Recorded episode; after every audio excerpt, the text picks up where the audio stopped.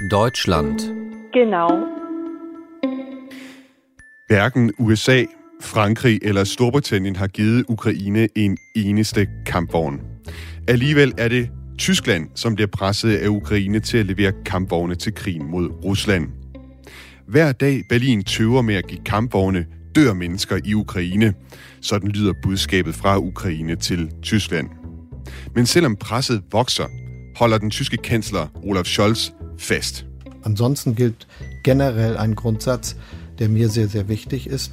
Wir werden bei allem, was wir tun, keine Alleingänge machen. I alt, hvad vi gør, kommer vi ikke til at gå enegang, er Olaf Scholz's argument imod, at Tyskland skulle levere kampvogne.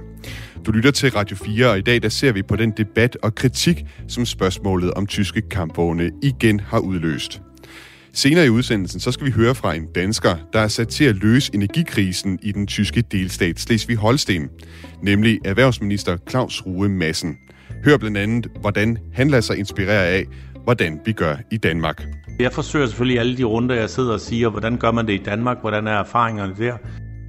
Til sidst så hører vi også, hvorfor det bare er meget federe at se fodbold i Tyskland end i Danmark. Mit navn er Thomas Schumann. Velkommen til Genau på Radio 4. Genau. Genau. Genau. Genau. Du kan som altid sms ind undervejs i programmet ved at skrive ind til nummeret 1424. Skriv også gerne, hvad du hedder hvorfra i landet du sender din sms. Og jeg kunne godt tænke mig at høre fra jer, øh, et bud fra jer i forhold til det spørgsmål, som vi skal tage op i dag, og som er det, som har optaget tyske medier og politikere her på det seneste, nemlig om Tyskland skal levere kampvogne og infanterikampkøretøjer til Ukraine. Den her debat den er blusset op igen efter Ukraines seneste succes på Islammarken, men den tyske regering den nægter altså fortsat at give Ukraine de kampvogne, som den ukrainske regering gerne vil have. Jakob Henius, velkommen til Genau. Tak. Du er brigadegeneral og Danmarks forsvarsattaché i Tyskland, og i den kapacitet følger du med i den forsvarspolitiske debat i Tyskland øh, for den danske ambassade i Berlin. Til at starte med, Jakob, hvorfor er det, at Ukraine igen presser Tyskland for at få tyske kampvogne og infanterikampkøretøjer? Det er egentlig et godt spørgsmål, fordi altså grundlæggende har Tyskland jo leveret, øh, som mange andre lande også har, rigtig mange øh, former for militær bistand til Ukraine. Øh, og Tyskland er jo, som, som du også var inde på, øh, jo ikke det eneste land, som ikke har leveret kampvogne og infanterikampkøretøjer. Det er der sådan set ingen vestlige lande, der har altså leveret øh, lige netop de to øh, slags våbensystemer øh, udviklet i Vesten. Så når presset alligevel bliver ved med at være på netop Tyskland, så øh, er jeg også lidt svar skyldig. Man kan sige, at der er måske en, en geografisk nærhed. Øh, Tyskland ligger øh, tættere på Ukraine, end nogle af de andre store vestlige lande gør, som også har kamp, mange kampvogne. Det kunne være Frankrig, Storbritannien, USA. Der, der ligger Tyskland tættere på, så det vil være lettere på den led. Der er også væsentligt flere lande i verden, som bruger de tysk producerede øh, Leopard 2 kampvogne. Så man kunne sige, hvis nogen ligesom skulle tage hul på øh, den her ene gang, som det ville være, hvis man begyndte at levere øh, vestlige kampvogne, øh, så, så, så, så kunne pilen godt pege på Tyskland. Tyskland er jo tit blevet kritiseret for at være øh, altså bremse, øh, hvis man kigger lidt tidligere tilbage på, øh, på konflikten i forhold til Ukraine og, og Rusland. Øh, særligt før invasionen, der var det jo sådan, at et land som øh, Storbritannien jo allerede dengang øh, leverede våben til, til, til Ukraine, hvor at, Tyskland på det tidspunkt nægtede. Kan det have noget at gøre med det, den opfattelse, der måske er af Tyskland som en, øh, i hvert fald tidligere har været en bremseklods? Ja, altså det er rigtigt, at Tyskland kom lidt øh, langsomt fra start, øh, da Ukrainekrigen øh, brød ud i slutningen af februar. Øh, men det vil jeg jo mene, har tyskerne øh, indhentet øh, temmelig godt sidenhen, og listen altså er temmelig lang og bliver længere og længere med øh, også avanceret øh, Øh, våbensystemer og andre former for militærmateriel, som Tyskland har leveret. Så øh, jeg vil sige, der er ikke så meget at komme efter i dag. Så har Tyskland selvfølgelig det prædikat, som man har haft på sig siden øh, den kolde krig øh, øh, stoppede omkring 1991, at man har været forholdsvis tilbageholdende ude i verden med at øh, sådan tage risici og indsætte eller bruge det, vi kalder hard power i de militære missioner, man har deltaget i. Så, så der har Tyskland stadigvæk et renommé øh, for at være øh, pacifistisk og, og det er måske også noget af det, der gør, at Tyskland i denne her sag sådan er lidt uh, the usual suspect. Mm. Og det her renommé, du taler om, det er faktisk noget, som den tyske regering øh, prøver at arbejde øh, imod, eller prøver på at få ændret. De er faktisk indrettet en hjemmeside, hvor man live øh, mere eller mindre kan følge med i, hvad det er for øh, systemer, Tyskland øh, giver til Ukraine. Den her hjemmeside, den hedder Militärische Unterstützungsleistungen für die Ukraine, og der kan man altså blandt andet læse, at Tyskland har givet 24 selvkørende luftværnskanoner af typen øh, Gepard. De har givet 10 artillerikøretøjer af den type, der hedder Panzerhaubitze 2000 eller 2000, og så har de givet øh, 54 øh, pansrede mandskabsvogne af typen M113. Og det er altså kun et, et, et, et, et lille bitte udsnit. De har givet en masse andre ting, øh, masser af ammunition, panserværnsraketter, miner og, og så videre. Og så har Tyskland også hjulpet til i forhold til øh, de østlande, som øh, har doneret øh, kampvogne af sovjetisk type til øh, Ukraine. Der er Tyskland altså ja, lavet det, man kalder det såkaldte ringtausch, altså det ringbytte, som du også var inde på, øh, et, et, et backfill i forhold til øh, og, og hvad skal man sige, levere til, til Ukraine, hvor Tyskland altså er gået ind og erstattet de kampvogne, som for eksempel Polen har leveret til Ukraine med, med tyske kampvogne. Det er i hvert fald forpligtet sig til. Og torsdag der lovede forsvarsminister Christine Lambrecht, at Tyskland også vil give Ukraine yderligere to raketkastere af typen Mars 2. De vil give 200 raketter og 50 pansrede mandskabsvogne af typen Dingo.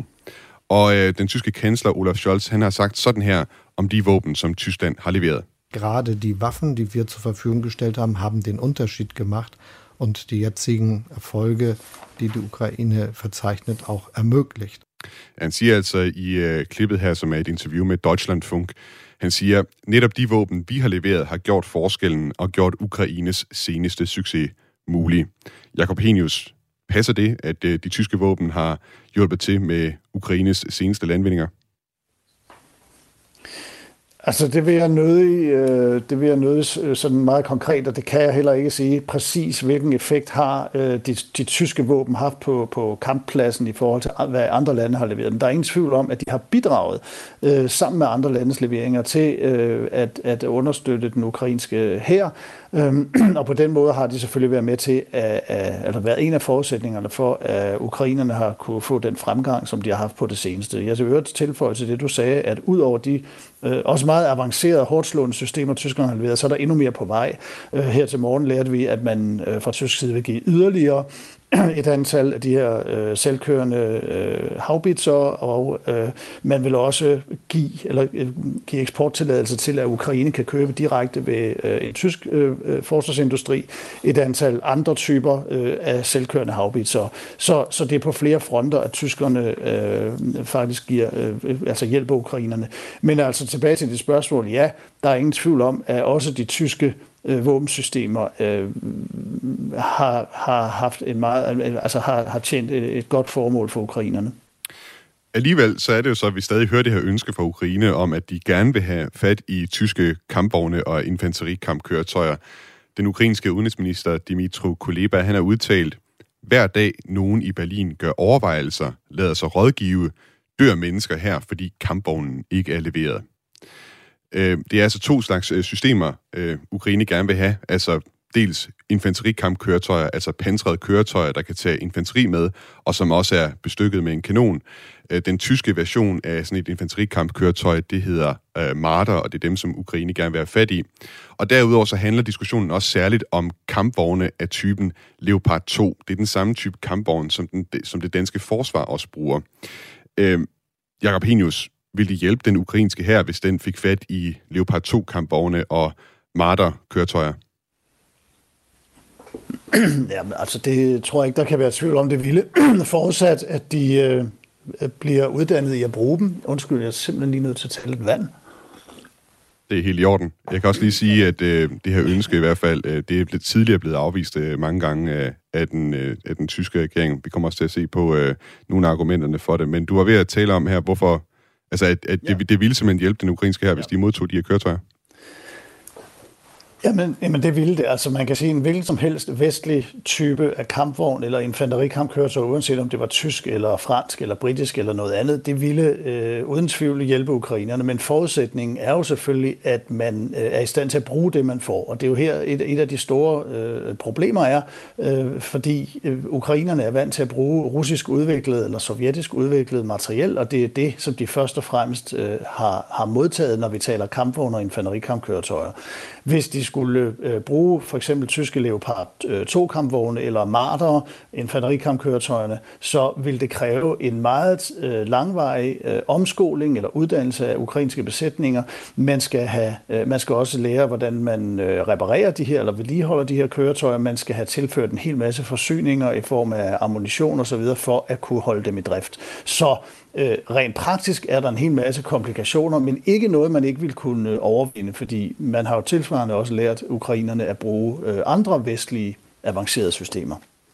Der har været et øh, mantra, som er gået igen fra den tyske regering, øh, når de er blevet spurgt om det her, om de vil levere øh, tyske kampvogne og infanterikampkøretøjer til Ukraine. Vi kan blandt andet øh, øh læse, kan læse op her, hvad Christine Lambrecht fra øh, Socialdemokratiet, øh, hun sagde, hun er tysk forsvarsminister, og hun sagde sådan her i sidste uge, Endnu har intet land leveret vestlige infanterikampkøretøjer eller kampvogne, og vi er blevet enige om, også med vores partnere, at vi ikke laver nogen tysk enegang der. Det holder vi fast ved. I et øh, interview med Deutschland, Deutschlandfunk søndag, der sagde den tyske kansler Olaf Scholz sådan her. Wir werden bei allem, was wir tun, keine Alleingänge machen.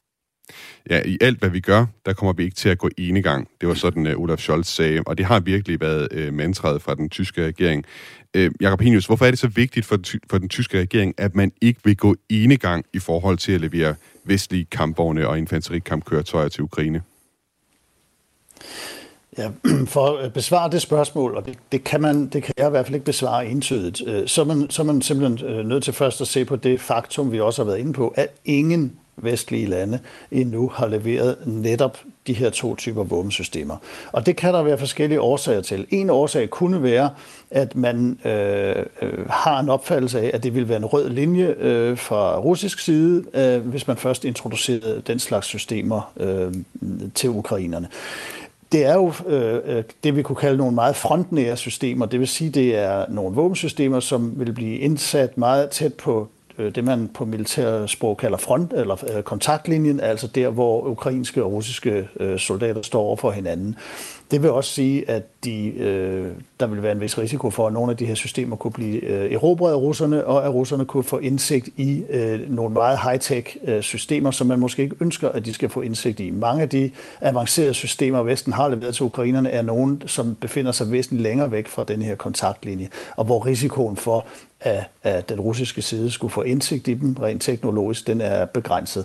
Så er der hele det øh, forhold, jeg nævnte med øh, alle de øh, praktiske udfordringer, der vil være ved at introducere det øh, til den ukrainske her, fordi det kræver meget uddannelse og vedligeholdelse og logistik.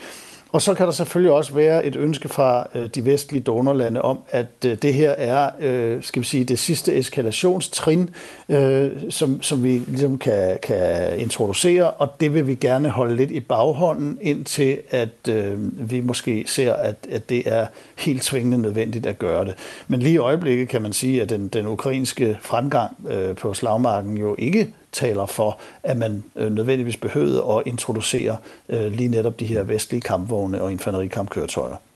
Jakob Henius, vi har fået en øh, uh, sms fra Inger fra Frederiksberg, som skriver, har Storbritannien ikke sendt kampvogne til Ukraine?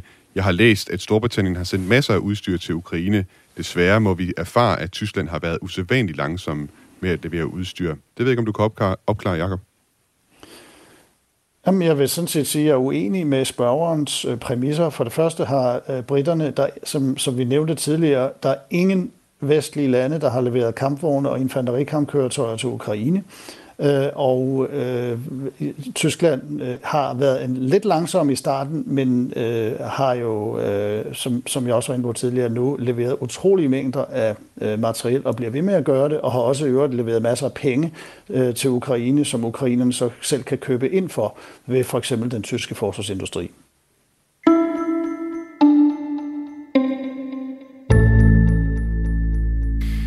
Det her argument om, at øh, Tyskland ikke vil gå enegang, det er noget, som den øh, tyske presse virkelig har kastet sig over. Den amerikanske ambassadør i Berlin har sagt til tysk presse, at øh, det står de enkelte lande frit for, hvordan de vil hjælpe Ukraine, og at parterne skal give så meget støtte som muligt. Og øh, det britiske forsvarsministerium og de baltiske lande har også dementeret over for tysk presse, at der skulle være en aftale mellem NATO-landene om, at man altså ikke leverer kampvogne og infanterikampkøretøjer. Den tyske regering har også argumenteret med, at det ville kunne svække NATO's østflanke at eksportere kampvogne. Med det argument har NATO's generalsekretær Jens Stoltenberg også taget luften ud af ved at sige, at det aktuelt er vigtigere at støtte Ukraine end at leve op til kravene om forsvaret af NATO's østflanke. Rafael Lus, der er forsvarsekspert fra European Council on Foreign Relations, det er en tænketank med sæde i Tyskland, han siger, at det virker mere som om, at den tyske forsvarsminister Christine Lambrecht og kansler Olaf Scholz leder desperat i skufferne efter et hvert tænkeligt argument imod at levere kampvogne. Og øh, det tyske medie Deutschlandfunk, de har også skrevet sådan her. Åbenbart mangler regeringen den politiske vilje til at overtage en international førerrolle og levere kampvogne. Jakob Henius, kan du øh, følge, hvorfor nogen i og uden for Tyskland når frem til den konklusion? Ja, altså det kan jeg jo godt følge. Øh, noget af det, som, som kritikeren øh, øh bare øh, ikke tager højde for, er, at netop Tyskland Øh, af alle NATO-lande har en helt særlig øh, tungvejende forpligtelse i 2023 som øh, led, lead nation, som det hedder, for øh, en af øh, NATO's øh, højst prioriterede enheder, det der hedder VJTF, Very High Readiness Joint Task Force. Det er øh, en del af NATO's reaktionsstyrkekoncept, og vi taler her om en styrke på øh, op til 15.000 mand, som skal stå i meget højt beredskab i hele 2023. Det er uden tvivl en af årsagerne til, at i hvert fald man fra det tyske forbunds øh, eller forsvarsministeriums side er øh, meget tilbageholdende med at udlevere mere fra egne lager af de her øh, avancerede våbensystemer, som for eksempel kampvogne og infanterikampkøretøjer. Men det giver ikke det fulde svar, fordi øh, der står jo altså også nogle af de her våbensystemer på lager, som øh, forbundsværnet ikke bruger. For eksempel også ved den tyske forsvarsindustri står der ret mange infanterikampkøretøjer og kampvogne af forskellige typer, som godt ville kunne sættes i stand, og som godt ville kunne øh, leveres til Ukraine, uden at det nødvendigvis gik ud over øh, den tyske hærs beredskab i 2023. Så det med øh, beredskabet og de tunge NATO-forpligtelser er kun en, en, en, øh, kan, kun, kan kun delvis give, øh, øh, give grundene, grundene til den tyske tilbageholdenhed.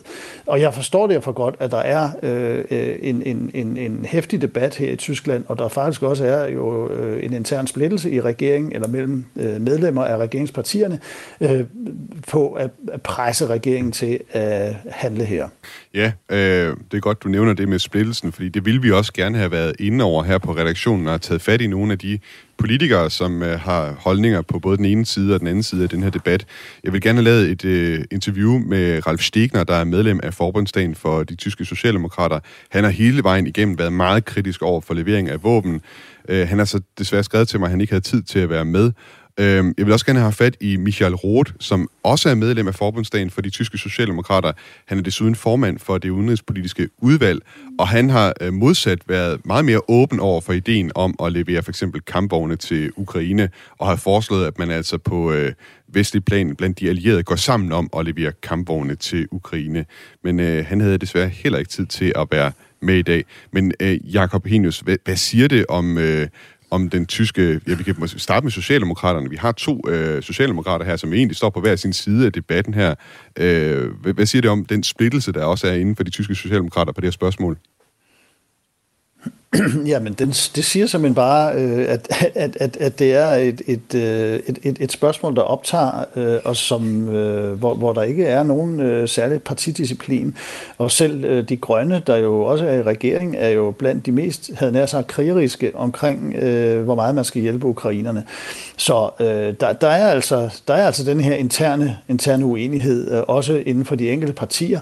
Og ja, det... det det må man bare konstatere. Og, men altså, jeg vil da sige, at øh, denne her øh, splittelse og de her, denne her kritik af regeringen øh, skal jo ikke trækkes meget længere, før at jeg tror, at, at også kansler Scholz kan føle, at han er under sådan et pres, at øh, han kan blive nødt til at overgive sig, havde han sagt.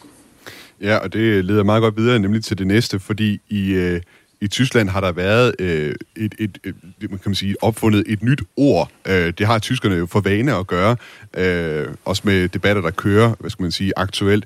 Øh, der er kommet et nyt ord, der hedder panservente, altså et kampvognsvendepunkt, og det er øh, simpelthen et ord, der er opstået på grund af den her debat, om der simpelthen kommer et vendepunkt i forhold til regeringens holdning til øh, de her kampvogne. Øh, du kan sige, det er måske afledt af Olaf Scholzes Zeitenwende tale, hvor han altså rykkede den tyske udenrigspolitik og, og åbnede for, at man kunne levere våben til Ukraine og i det hele taget oprustet i forhold til det tyske forbundsværn. Øh, Jakob Hinus, hvad vil kunne skabe et øh, panservente, altså at Tyskland øh, ændrer holdning til de her spørgsmål om kampvogne og infanterikampkøretøjer? Jamen, det ville jo altså øh, kun være, at øh, splittelsen i regeringen og ja, i, i, i, i, imellem medlemmerne af regeringspartierne bliver så udtalt, at, øh, at kansleren kan føle sig nødsaget til at, at, at skabe den nødvendige ro omkring det spørgsmål, og så tage hul på det. Øhm, så det er en ting. Og en anden ting øh, ville være, hvis det var hvis man kunne konstatere, at ukrainerne havde et desperat behov for de her våbensystemer for ikke at tabe krigen. Men der er vi jo netop ikke lige nu, øh, hvor det sådan set er øh, ukrainerne, der har initiativet. Så, øh, men, men altså det, det interne pres og den interne splittelse i regeringen over det her spørgsmål, det øh, kunne godt skabe et panservente. Det tyske nyhedsmagasin øh, Spiegel de skrev øh, i sidste uge en artikel om, at øh, den tyske udenrigsminister Annalena Baerbock fra De Grønne havde haft et møde med Olaf Scholz, og at hun bag, bagefter det her møde var, havde været ude at sige øh, ting i pressen, som ligesom lagde op til, at hun faktisk var mere åben over for at ville øh, levere kampvogne til, øh, til, til Ukraine. Øh, hun var så senere med i det øh, tyske talkshow, der hedder Anne Will, hvor hun så faktisk lod til at, og, skal man sige, lidt, at gå imod sine egne øh, udtalelser, hun har givet til blandt andet øh, Frankfurt Allgemeine Zeitung. Lad os lige prøve at høre, hvad hun sagde i Anne Will. Was ist äh, das Problem mit dem Kampfpanzern äh, moderner Art, dass ja. sie äh, technisch so bedient werden müssen, dass sie auch wirklich im Einsatz einen Unterschied machen können. Und deswegen ist es für uns so wichtig, dass wir diesen Schritt, so wie wir das auch bei den hochmodernen Luftabwehrsystemen getan haben, gemeinsam mit unseren internationalen Partnern nur gehen können. Ja, Annalena Baerbock, den tyske udenrigsminister, hun siger altså her, Problemet med moderne kampvogne er, at de også skal kunne betjenes teknisk, så de gør en forskel. Derfor er det så vigtigt for os, at vi kun tager det her skridt sammen med vores internationale partnere, sådan som vi har gjort det med moderne antiluftskyts. Jakobinius, øh, giver det mening i dine ører, at øh, man altså kun kan øh, sikre, at, at de her kampvogne, som for eksempel Leopard 2 kampvogne, kan bruges ordentligt, hvis der er flere lande, der står bag og leverer dem til Ukraine? Nej, det giver faktisk ikke rigtig mening. Altså, øh, hvis man forestillede sig, at Tyskland gik enegang og ville levere kampvogne, så ville Tyskland kunne gøre det selv, og Tyskland ville også selv kunne forestå den uddannelse, øh, som, som ville være nødvendig, som vi har været inde på. Det er nøjagtigt, hvad Tyskland i forvejen har gjort med de her øh, Gepard-luftværnssystemer, du nævnte. Der har man ha- haft øh, ukrainske besætninger i Tyskland, og det har været en ren bilateral aktivitet, øh, øh at tyskerne har uddannet dem på det. Man har også i Tyskland uddannet ukrainske besætninger på de her selvkørende havbitser og på andre systemer. Så øh, jeg køber ikke helt Baerbocks argument om, at det kan kun ske i et fællesskab. Men det er klart, at det kunne være ønskeligt rent politisk for Tyskland, at der var flere lande, som stod bag sådan en beslutning, fordi så ville man ikke være alene om at øh, køre bistand til Ukraine op på et et, et, et højere eskalationsniveau, og der er det måske også, hvis, hvis jeg skal øh, tilføje det, historien, der plager Tyskland lidt, altså, øh, og, og så skal vi langt tilbage, altså tilbage til 2. verdenskrig og øh, indsættelse af tyske kampvogne øh, mod Sovjetunionen osv., der ligger måske også, kan vi sige, nogle betingede reflekser her, som gør, at Tyskland meget nødig ser sig selv som det eneste land, der lige pludselig skal introducere tyske kampvogne øh, i, øh, øh meget tæt på en frontlinje over for Rusland. Man er ikke så glad for ideen om, at det udelukkende er tyske kampvogne, der så igen kører rundt i Ukraine. Øh, ja, i hvert fald ikke, hvis Tyskland øh, er det eneste land, der står bag. Mm. Ja. Jakob Henius, brigadegeneral og Danmarks forsvarsattaché i Tyskland. Tak fordi du var med i Genau i dag. Selv tak.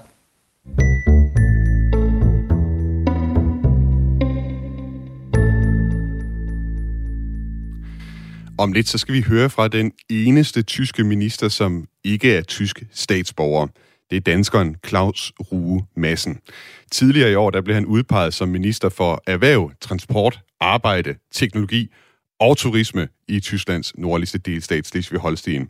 Jeg talte med ham om, hvordan han håndterer den energi- og inflationskrise, som Tyskland står i lige nu, og hvordan han også i sit arbejde som minister lader sig inspirere af hans hjemland, Danmark. Nu er der nyheder på Radio 4.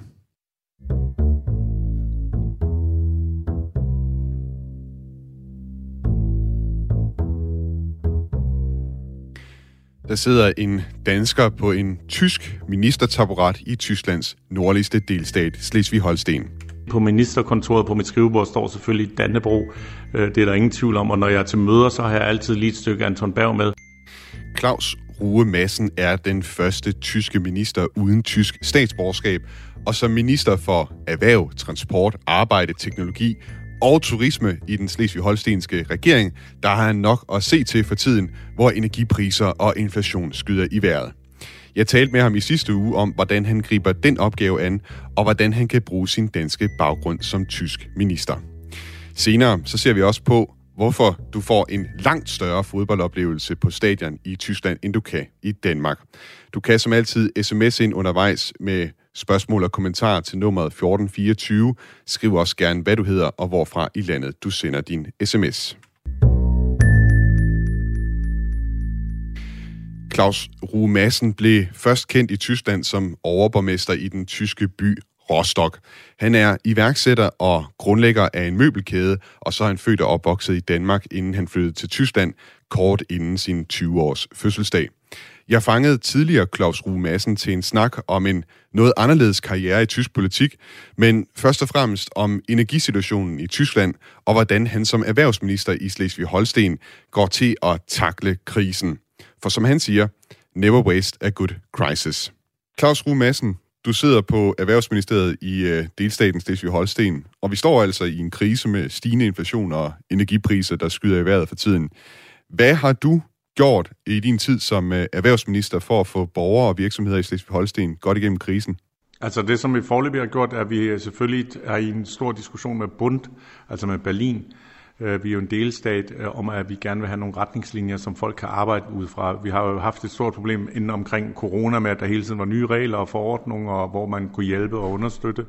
Der har vi bedt om at få helt klare retningslinjer, så folk ved, hvad de har at gøre med. På den anden side, så har vi bedt om, at så også små og mellemstore virksomheder får hjælp, og ikke kun de allerstørste, så vi får presset en, en grænse ind på, hvad energi må koste, altså strøm og gas. Og så har vi lavet et program på 500 millioner euro, som skal hjælpe øh, de øh, virksomheder, vi har i Schleswig-Holstein, til at komme over, hvis de har nogle likviditetsproblemer. Mener du ikke, at retningslinjerne fra Berlin har været klare nok? Nej, jeg, jeg er bange for, at vi er i sådan en situation, hvor vi i den ene øjeblik hører, at vi får sat noget, nogle prisbremser ind, og i den anden situation hører, at vi skal alle sammen lægge lidt oven på energiprisen, og vi skal betale nogle afgifter og skatter Øh, og så kommer der et nyt, app, øh, et nyt program, som så igen skal sørge for, at der er lidt mindre øh, belastning for virksomheder og for personer. Og, der, det er ligesom, og det er jo også helt forstændigt, det er jo en meget, hvad hedder det, det vi, vi befinder os jo i en multiple krise i øjeblikket. Vi er ikke helt overkommet coronatiden. vi har krig i Europa, og nu kommer det her energitema sammen. Så det er selvfølgelig meget komplekst, og jeg kan også godt forstå, at der i første omgang kommer nogle forslag til, hvordan vi skal løse problemerne, og så er der en masse, der melder sig og siger, jamen det er jo de hjælpeprogrammer, vi har lavet nu, er jo kun til store internationale koncerner. Hvad med den lille frisør eller bagermester? De er jo ikke hjulpet, og så kommer der nogle forslag, og så bliver der justeret efter, og så kommer der nogle nye forslag, og så bevæger markedet sig jo selvfølgelig hele tiden. Og det er lidt som vi jo nu opfordrer til. Vi vil bare gerne have meget klare linjer om, hvad har vi med at gøre, hvordan kan vi hjælpe, og så vil vi hjælpe Schleswig-Holstein med at udfylde de huller, vi så kan i sidste ende. Det er jo også klart et eller andet sted, at vi ikke kan hjælpe alle virksomheder 100%, og heller ikke alle borgere. Øh, jeg tror, det er noget af det, som er vigtigt, at vi må lære. Coronatiden var meget en tid, der var præget med, at vi holdt hånden op og sagde, at jeg skal bruge noget hjælp. Og det kunne man sikkert også gøre i en kort periode. Den krise, vi står foran nu, den er jo sikkert en lidt anden struktur, der kan komme hen og tage en eller to år, før vi kommer tilbage til noget normalitet. Så på den ene side skal vi have åbnet op for noget energimarkeder. Vi skal have gang i alt, hvad der er muligt af energi. Vi skal have afgifter væk, så vi som staten sænker priserne. Og så skal vi selvfølgelig have, have hjulpet de folk, som falder igennem resteret. Hvad er det for henvendelser, du for tiden får fra borgerne i forhold til den her håndtering af den krise, vi står i nu? Jamen, vi har jo rigtig mange øh, forskellige meldinger. Jeg ved ikke, om det ikke også er sådan i Danmark, at vi hører fra, at priserne stiger måske til det dobbelte, eller det tredobbelte, firedobbelte, ti, tidobbelte. Øh, det er jo gift, fordi at hvis jeg får at vide, at min energiregning, som måske indtil videre havde været 1.500 kroner om måneden, nu lige pludselig skal være 15.000 kroner, så har det jo stor indflydelse på, om jeg går ud i morgen og køber nye sko, eller om jeg køber en sofa og lignende. Så det vil sige, at den skræk, der bliver jaget igennem folket, fører jo til, at folk holder op med at konsumere. Og det er jo så i sidste ende et problem, fordi at så kommer erhvervslivet under endnu mere tryk. Så det har været vigtigt, at der er blevet lavet nogle programmer, som stabiliserer det for vores, vores borgere. Og det, det, som du siger, hvad, hvad er det, de gør? De ringer os selvfølgelig og spørger, hvordan er situationen? Hvordan er det i november og december? Er der overhovedet nok gas? Så der er selvfølgelig rigtig meget usikkerhed, og vi lever også i et land her i Tyskland, hvor der bliver spillet meget med, hvordan situationen kan blive. Vi i Danmark været meget længere fremme med at være transparente omkring klare oplysninger, så folk ikke er så urolige. På den anden side set er jeg sikker på, at man i Danmark også stiller sig spørgsmålstegn ved, om man nu øh, kan tillade sig at bygge det hus, man har planlagt med stigende renter, stigende materiale, omkostninger og sådan Så det fører jo automatisk til, at der i nogle brancher øh, er nærmest stillestand, og at, at ting bliver storneret i stedet for at bestilt. Jeg skulle netop lige til at spørge dig omkring det her med Danmark, øh, netop for du sidder jo med, med den noget unikke baggrund som øh, minister i Tyskland, at du også øh, har det her blik på Danmark. Kigger du nogensinde mod danske politikere og hvad de gør, og måske ting, som du ikke, altså kunne lære som et eksempel på, hvad man ikke skulle gøre i Tyskland? Ej, jeg synes faktisk, at det er vigtigt, at man kigger på, hvad man kan gøre, og hvordan man gør det. Jeg er allerede tilbage til coronatid, hvor jeg var overborgmester i Rostock, kiggede jeg også meget på, hvordan coronapolitikken var i Danmark, og det er klart, at jeg nu også følger med i, hvordan er kommunikationen i Danmark omkring de her problemer. Selvfølgelig er strukturerne nogle andre, vi har med andre virksomheder at gøre, vi har måske med nogle andre størrelsesforhold at gøre, men det er da vigtigt at høre på hinanden og lære fra hinanden, i stedet for at tro, at man kan opfinde det hele selv. Så jeg forsøger selvfølgelig alle de runder, jeg sidder og siger, hvordan gør man det i Danmark, hvordan er erfaringerne der, hvad hører vi, hvordan er tingene er. Jeg tror, at vi har øh, Øh, i stor grad noget, som jo så er helt naturligt for danskere, er det der omkring, at de er meget oplyste, at de får mange informationer. Jeg synes jo, det er spændende, når jeg læser om, at der er nogle mennesker, der bliver opfordret til, at nu er det vigtigt, at I i morgen kl. 12 starter jeres øh, vaskemaskiner, øh, fordi at der skal vi have brugt noget strøm og noget energi. Det er sådan noget, det findes overhovedet ikke i Tyskland endnu de der meget bevægelige tariffer, og det der med, at man ligesom tager folk med og siger, i morgen har vi meget vind, nu skal vi have brugt noget energi. Nu nævnte du tidligere, at du godt kunne tænke dig lidt øh, klare retningslinjer, eller klare udmeldinger fra Berlin om, hvordan man skal håndtere den her øh, krise. Hvis du nu kunne få et møde med Olaf Scholz, altså kansleren, og finansminister Christian Lindner og Robert Harbeck, erhvervsminister, du kunne sætte dig ned med dem og præsentere en ønskeliste til, hvad øh, du godt kunne tænke dig, der kunne ske, som kunne hjælpe borgerne i, i øh, Slesvig-Holsten. Hvad skulle der så stå på den ønskeliste? Altså i første linje er sådan, at jeg faktisk tit møder med herr Harbeck, som jo er min dependance øh, på bundesebene, altså i Berlin. Øh, så, så jeg vil gøre det, jeg også allerede gør i dag. Jeg vil ønske, at vi får øh, så lidt byråkrati som muligt ind i vores hjælpeprogrammer. Vi har jo øh, alene til coronatid havde Slesvig-Holstein 130.000 øh, ansøgninger om understøttelse til virksomheder, som er meget komplekse i 14 forskellige varianter. Øh, så der sidder medarbejdere, øh, jeg tror op mod 1000 medarbejdere, der sidder og arbejder med de der papirer. Øh, det er jo ikke smart. Jeg tror, det ville være fikst, hvis vi fik noget, som folk forstår, noget, som er nemt at udfylde, og så for alt i verden vil jeg ønske mig, at vi laver en lidt en kombineret model. Altså, det er jo faktisk sådan, at strøm bliver produceret relativt billigt, men alt det statlige indblanding, vi har, fører til, at vi har høje priser. Øh, normalt er det jo sådan en helt normal økonomi, at når der er en vare, man køber ind billigt, og den bliver solgt dyrt, så er der rigtig mange, der strømmer ind på det marked for at tilbyde varer, og så falder prisen automatisk. Da den er statsligt reguleret i øjeblikket, kommer vi slet ikke til at opleve det. Så jeg, jeg synes, at det, det første ønske vil være, at vi skal deregulere, og vi skal gøre det nemt at komme med ansøgninger. Og så tror jeg samtidig, at vi skal motivere folk og sige, at vi sætter en, øh, en øh, prisgrænse øh, på 80% af jeres forbrug, Øh, på de 80 procent, der får I den gamle pris, og hvis I bruger mere end det, I plejede, altså mere end 80 procent af det, I plejede, så kommer I til at betale en meget høj pris. Så bliver folk motiveret til at sige, godt, jeg skal spare 20 procent, og hvis det lykkes, så holder jeg pengepunkten sammen. Hvis jeg siger, at jeg er ligeglad, jeg bruger al det energi, jeg har lyst til, så må jeg også være med til at betale for alle andre.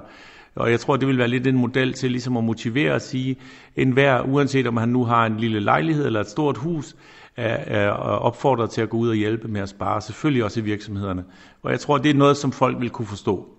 Så det, så det vil ligesom være den der model, jeg tror, der er vigtig. Vi skal kunne forstå den her krise. Vi skal forstå, at der er krig, og vi også skal, vi skal bidrage hver især. Vi kan ikke bare holde hånden op og sige, nu må staten hjælpe os, fordi det er staten slet ikke i stand til. Nu nævnte du selv øh, deregulering som et af dine øh, højeste ønsker øh, i forhold til det her. Du har også øh, selv tidligere sagt til Norddeutsche Rundfunk, at man, ikke, man skal ikke lade en god krise som den her gå til spilde i forhold til for eksempel at fjerne byråkrati, som står i vejen for at udbygge flere vindmøller i Slesvig-Holsten. Hvordan har du tænkt dig at accelerere udbygningen af vindkraft og samtidig tage hensyn til de mennesker og borgergrupper, som ikke vil have vindmøller tæt på sig? Ja, altså for det første er det Never Waste a Good Crisis, Winston Churchill. Der skulle vi lære allerede i coronatiden, at vi skulle holde fast i alle de gode ting, vi lærte. At vi er gode til at, at anpasse os som mennesker, så vi ved, hvordan vi finder nye løsninger. Og selvfølgelig skal vi også bruge en energikrise. Schleswig-Holstein er i, i Tyskland det land med den mest øh, grønne energi. Og jeg, jeg, når jeg tit hører, at vi har overskud af grøn energi, så må jeg sige, at det synes jeg ikke, vi har. Jeg tror bare, at vi har for lidt firmaer. Så vi skal have gjort meget i at få firmaer lukket til at komme herhen, så vi kan bruge den grønne energi. Og hvis folk forstår, at der er en god pointe i, at vi har meget god og grøn energi, at der kommer gode og interessante virksomheder, så tror jeg også godt, de kan leve med, at der skal være noget vindkraftanlæg, at der skal være altså vindmøller, at der skal være solar, øh, at vi skal gøre en indsats for at få dem herhen. Og det er jo lige netop det, som i sidste ende er det, som er vigtigt for et menneske. Hvad er min personlige fordel? Hvis den personlige fordel er, at vi sender alt strømmen til Sydtyskland, så kan jeg da godt forstå, at man er lidt imod og er sådan en kammerat stående i baghaven. Men hvis vi sørger for, at folk, der bor her, har en billig og sikker energi, uafhængig, øh, så tror jeg samtidig med, at vi som sagt får skaffet nogle spændende jobs, at folk godt kan forstå fidusen, og hvis folk kan forstå fidusen, så er de med ombord. Jeg snakkede også med Claus Rue Madsen om det her med, at han altså sidder som dansk minister i en uh, tysk uh, delstatsregering, og hvad det har betydet, at han har den baggrund. Nu er du, som jeg kan læse, den første tyske minister uden tysk uh, statsborgerskab. Kan du prøve at forklare for, uh, for danskerne derude, hvordan man bliver tysk minister som dansk statsborger? Jeg tror, det vigtigste er, at man gør et godt job. Nej, jeg tror ikke, at det er så vigtigt, hvilket pas man har. Jeg tror, det er vigtigt, hvor engageret man er i det, man gør, og hvordan man kaster sig ud i sine opgaver. Jeg, vi havde en meget interessant måde at løse coronaproblemerne i den by, hvor jeg var overborgmester, så der blev snakket om det i hele Tyskland. Jeg har haft nogle øh, interessante øh, metoder, tror jeg, til, hvordan man kunne forændre forvaltningen i en by, og hvordan man samlet har kunne lave lidt mere smart og lidt mere digital forvaltning. Det har man set andre steder, så jeg fik et opkald og fik at vide, Claus, kunne du ikke tænke dig at komme til Schleswig-Holstein? Og så komme med lidt dansk mindset. Og der må man sige, at det er virkelig fantastisk at opleve, hvor mange mennesker i Schleswig-Holstein, der står med åbne arme over for Danmark, som virkelig vil have, at vi skal have mere kulturel, øh, vi skal have mere sport, vi skal have mere virksomheder øh, til at forstå hinanden og have med hinanden at gøre. Der, der er jo faktisk bare en imaginær grænse imellem de her to lande, og det vil de rigtig gerne have, at jeg hjælper med, at jeg skal ligesom være broen mellem Danmark og Tyskland. Det er fantastisk, når man undervejs har siddet med mennesker her i Schleswig-Holstein og taler dansk, Øh, og så snakker jeg på den anden side set over på den, øh, hos danskerne med, med mennesker, som siger, Claus, hvordan får vi nu gang i noget samarbejde? Det synes jeg er fantastisk, og det er ikke så længe siden, der fik jeg også en, øh, en, øh, en sms fra Bertel Hårder. Det synes jeg selv var lidt sjovt, fordi at jeg mener så kunne huske, at da jeg gik i gymnasiet, var Bertel Hårder undervisningsminister. Så han er i hvert fald en erfaren herre, jeg var rigtig glad for at høre fra Bertel, og håber på, at jeg kan hjælpe der. Der er diskussionen omkring, hvad vi kan gøre nede ved grænsen, for at folk ikke skal stå i kø øh, for at komme ind til Danmark, og der, der jeg vil jeg være rigtig glad som erhvervsminister og trafikminister og arbejdsminister og turistminister, at vi kunne få løst det problem, så folk kunne køre ind i Danmark på en fornuftig måde, uden at skulle holde i kø. Så du gerne, at øh, regeringen i København de afskaffede øh, grænsekontrollen? Ja, absolut. Jeg synes, det er helt i orden, at man siger, at vi er til lige tager en stikprøve eller en smart løsning på, hvordan man lige kan lave nogle kontroller, eller måske på bestemte dage beslutter sig for, nu går vi lige ud og laver en kontrol. Jeg er ret sikker på, at hvis det er fordi, vi skal fange nogle banditter, så har de nok fundet ud af, at vi står og kontrollerer. Øh, så, så jeg tror egentlig, at det vil være smartere at gøre det på en anden måde. Jeg tror, at, det, at man skal have et blik på, at der er masser af mennesker, som arbejder på den ene side af grænsen og bor på den anden side af grænsen, og det kan egentlig ikke være rigtigt, at vi beder de mennesker om at stå i kø hver dag. Det kan heller ikke være økologisk korrekt, at folk står i kø. Og hvis folk vil på ferie i Danmark og skulle holde i kø, eller kommer hjem fra en dejlig ferie sydpå, og så skal holde i kø ved grænsen, det er der simpelthen ingen fornuft i. Så jeg vil være rigtig glad for, at vi fandt en løsning, og jeg vil gerne igen der sige, jeg er klar til nogle samtaler. Lad os finde ud af, hvordan vi kan støtte hinanden, hvordan vi kan finde en god løsning, fordi at det er nu engang bedre, hvis vi flytter sammen i stedet for at trække grænser. Jeg kan lige tænke mig at vende tilbage til det her med det danske. Du siger jo egentlig, at folk de, øh, har modtaget dig med åbne arme, men har du nogensinde oplevet, at det er blevet brugt imod dig, at der altså sidder en minister i Slesvig Holsten, som ikke har tysk pas? Altså det, som jeg oplevede i hvert fald i starten, var, at der, der blev skulle lavet sådan nogle retsprofessorer, der har været inde og kigge, om det overhovedet er tilladt. Der er ikke sådan en helt klar retningslinje omkring det. Så der har været en del kloge hoveder, som har sat sig ned og sagt, må man overhovedet være minister, hvis man ikke er tysker? Øh, det har været sådan nogle lidt specielle situationer at, være udsat for. På den anden side set er vi jo et åbent land og Europa og alt muligt som, og så kommer der alligevel sådan en diskussion omkring sådan noget. Øh, og, og selvfølgelig vil man ikke gerne blive reduceret på ens pas. På den anden side set synes jeg, det er rigtig dejligt og sjovt, at det er en dansker, der bliver den første øh, minister i Tyskland, som ikke har tysk pas. Øh, det er da en god historie, og folk synes, det er sympatisk, så et eller andet sted tror jeg, at man på et tidspunkt må lægge det til side og tænke, nu går det lidt mere omkring de ting og udfordringer, vi har, end lige netop mit pas. Men de får selvfølgelig også alle sammen at høre, hvor jeg kommer fra. Herinde på ministerkontoret på mit skrivebord står selvfølgelig Dannebro. Øh, det er der ingen tvivl om, og når jeg er til møder, så har jeg altid lige et stykke Anton Berg med, så, så folk kan, kan få et godt indtryk på Danmark, og jeg tror, at de griner lidt over det. Vi har også Femern Bælt, som et stort udfordring, hvor også på den, anden, den danske side er der meget mere optimisme omkring det, og den forsøger jeg ligesom også at få plantet her nu i Tyskland, så folk forstår, at det er super vigtigt, at vi kommer i gang. Claus Madsen, det er jo en kometkarriere, kan man sige, du har haft inden for tysk politik. Øh, først overborgmester i Rostock, og nu øh, minister i øh, Slesvig-Holsten. Er næste skridt for dig en ministerpost på forhåndsplan? Ej, jeg synes, at det er simpelthen være helt ude af proportion efter 70 dage eller sådan noget og sidde og diskutere om et nyt job. Jeg, nu er jeg blevet valgt som minister her til de næste fem år. Det tager vi lige den opgave og løser den ordentligt, så må vi se, hvor det bærer hen. Øh, og jeg har ikke rigtig gjort mig nogen planer omkring det. Jeg har pakket kufferten ud nu her i Kiel, og så må vi komme videre derfra. Må vi se, hvor det en skøn dag fører hen. Jeg tror, hvis du for 30 år siden, da jeg smuttede til Tyskland med en kuffert og 3.000 kroner, havde spurgt, om jeg kunne forestille mig, at jeg en skøn dag ville have en, en virksomhed her, eller blive IHK-præsident, eller borgmester, eller måske i sidste ende minister. Den havde jeg nok ikke helt troet på. Så, så derfor skal man aldrig sige aldrig.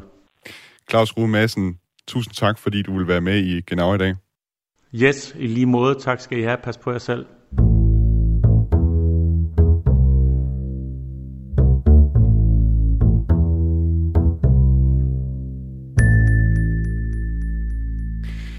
Kan du synge med på den her sang?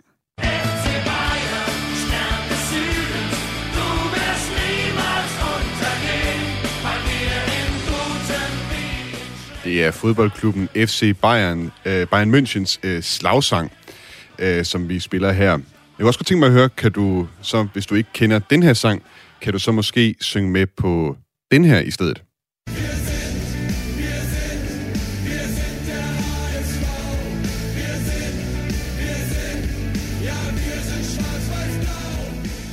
Det er sangen til fodboldklubben Hamburger øh, SV, altså Hamburger Sportverein. Uanset om du kan eller ikke kan synge med på de her sange, så er der altså masser af gode fodboldoplevelser at hente hos vores tyske naboer. Og der er hjælp at hente, hvis nu du godt kunne tænke dig noget inspiration til en tur ud på de tyske stadions. Og den inspiration, den kommer du med. Goddag, Ole Brun. Goddag, Ole Brun. Goddag. Du er sammen med Svend Petersen, øh, Michael øh, Longreich og forfatter til bogen Fantastiske fodboldoplevelser i Tyskland. Til daglig der arbejder du på Jyske Vestkystens sportsredaktion, hvor du også skriver en ugenlig klumme om netop tysk fodbold. Og jeg kunne godt tænke mig lige, øh, før vi går i gang med interviewet her, sige til øh, lytterne derude, hvis nu I har været øh, nede og se fodbold i Tyskland og har haft en øh, fed oplevelse med det, så skriv ind med den øh, til vores øh, sms på øh, nummeret 1424, og skriv også gerne, hvad I hedder, og hvorfra i landet øh, I sender jeres sms. Øh, Ole Brun, der findes jo en øh, Superliga herhjemme og store fodboldklubber øh, de fleste steder i Danmark, så hvorfor skal man tage til Tyskland og se fodbold der? Jeg synes jo ikke, det ene udelukker ikke det andet. Man kan sagtens holde med en klub i Danmark og se øh, en klub i Danmark på regelmæssig basis. Men vores pointe med den her bog, det er jo, at vi gerne vil åbne øjnene for, for danskerne for, at der bliver spillet rigtig, rigtig god fodbold syd for grænsen. Og det er jo let tilgængeligt. Der er ikke så langt derned, og det er faktisk forholdsvis øh, billigt rigtig, rigtig mange steder i Tyskland at komme til fodbold. Altså, hvis man, hvis man tager en sammenligning med Premier League i England, som jo nærmest ikke er til at betale sig fra, så øh, kan du få en øh, tribunebillet til en Bundesliga-kamp for 25 år. Så, så øh, det er også et incitament til det, men det er først og fremmest, fordi Øh, tysk fodbold. Det er, det er for os bare ekstremt fascinerende, og vi, vi synes, øh, øh vores øh, idé med den her bog er jo sådan lidt at åbne øjnene for, at, at der bliver spillet god fodbold, og det, vi synes ikke rigtigt, at der er den der fodboldturisme i Tyskland for danskerne, som der egentlig burde være, når man tænker på, hvor god fodbold der er, og hvor fede stadion der er i Tyskland. Hvad er det, tysk fodbold øh, kan, som, som dansk fodbold ikke kan? Ja, det er jo bare større. Det er bedre. Det er federe stadions. Det er bedre fodbold, og det er øh, mere stemning. Jeg ved godt, man kan godt øh, ramme noget god stemning i, i den danske Superliga, også øh, lejlighedsvis, men altså, der er, der er ikke noget, der sammenligner sig med, hvad der sker nede i Bayern München, eller i Harsfag, eller på den gule mur nede i Dortmund. Så, så det er bare større, og det er bedre, og det er federe at se fodbold i Tyskland. Man kunne jo tro, at øh, det her med at tage ind og se fodbold det kunne være nogenlunde en, ens oplevelse, uanset hvor man tog hen øh, i verden og så det. Er der alligevel nogle ting, når man går ind på stadion i Tyskland, som, som er anderledes end herhjemme i Danmark? Jamen, jeg synes, det der, det der sådan adskiller sig lidt, jeg synes, man skal sammenligne, ikke sammenligne Tyskland og Danmark så meget, mere, mere Tyskland sammenligne det med England, Italien, Spanien osv., hvor jeg, hvor jeg synes, at man har et indtryk af, at der er gået sådan lidt morligt meget altså fodboldturisme i det, sådan at det lokale præg lidt er gået af det. Nu ved jeg godt, at vi opfordrer danskere til at tage ned, så bliver det jo også turisme på en måde. Men altså, øh, der er jo ikke millioner af kinesere og japanere, der sidder på stadion i Tyskland. Det er stadigvæk et øh, langt, langt hen ad vejen, et lokalt fænomen, og der er, altså, der er et lokalt tilhørsforhold til de her klubber, som gør det til øh, rendyrket kærlighed og passion hele vejen igennem. Og det har vi i hvert fald oplevet i det her. Vi har været nede og besøgt 31 klubber inden for de sidste år her.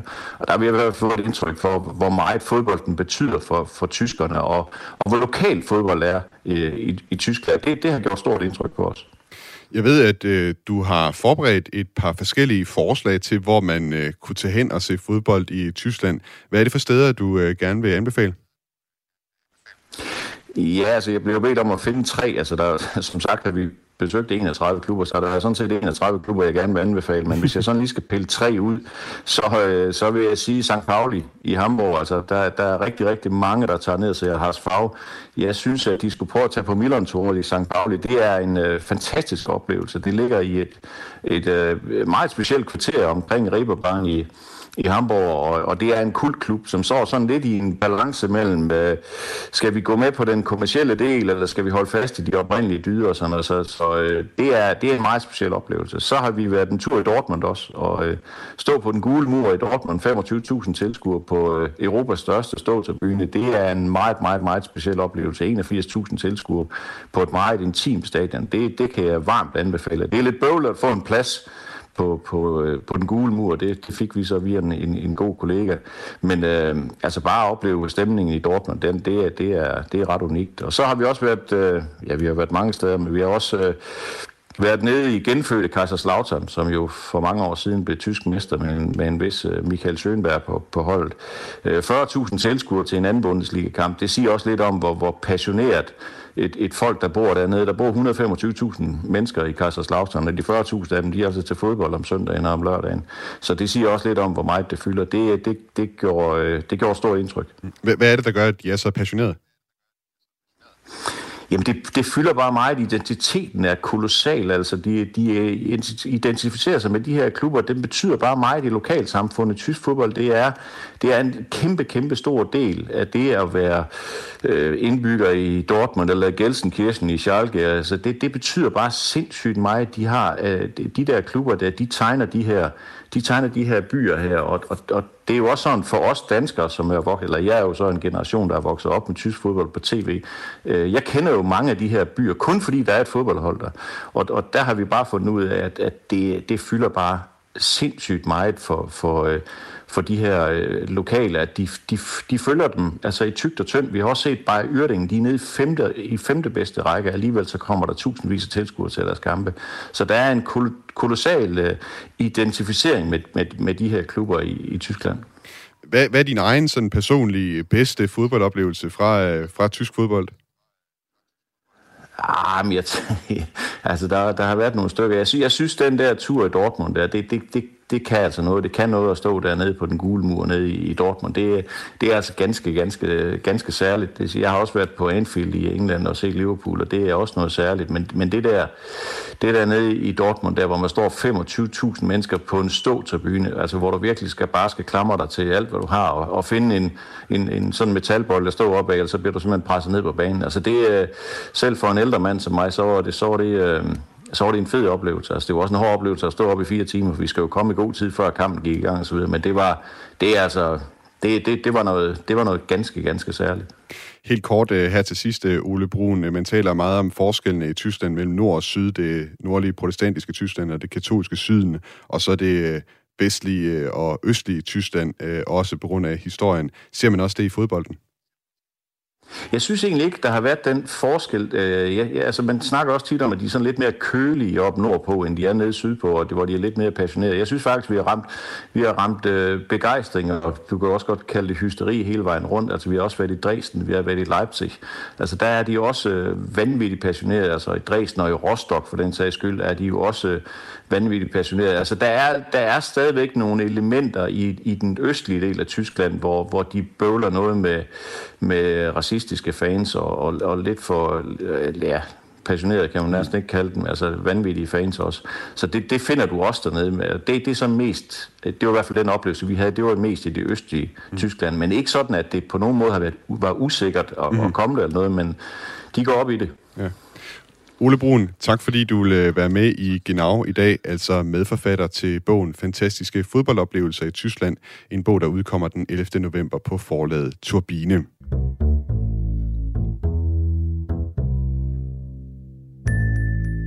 Du lytter til Genau på Radio 4, som er tilrettelagt af Niklas Erbilor Dein, redaktør af Dorte Lind. Mit navn er Thomas Schumann.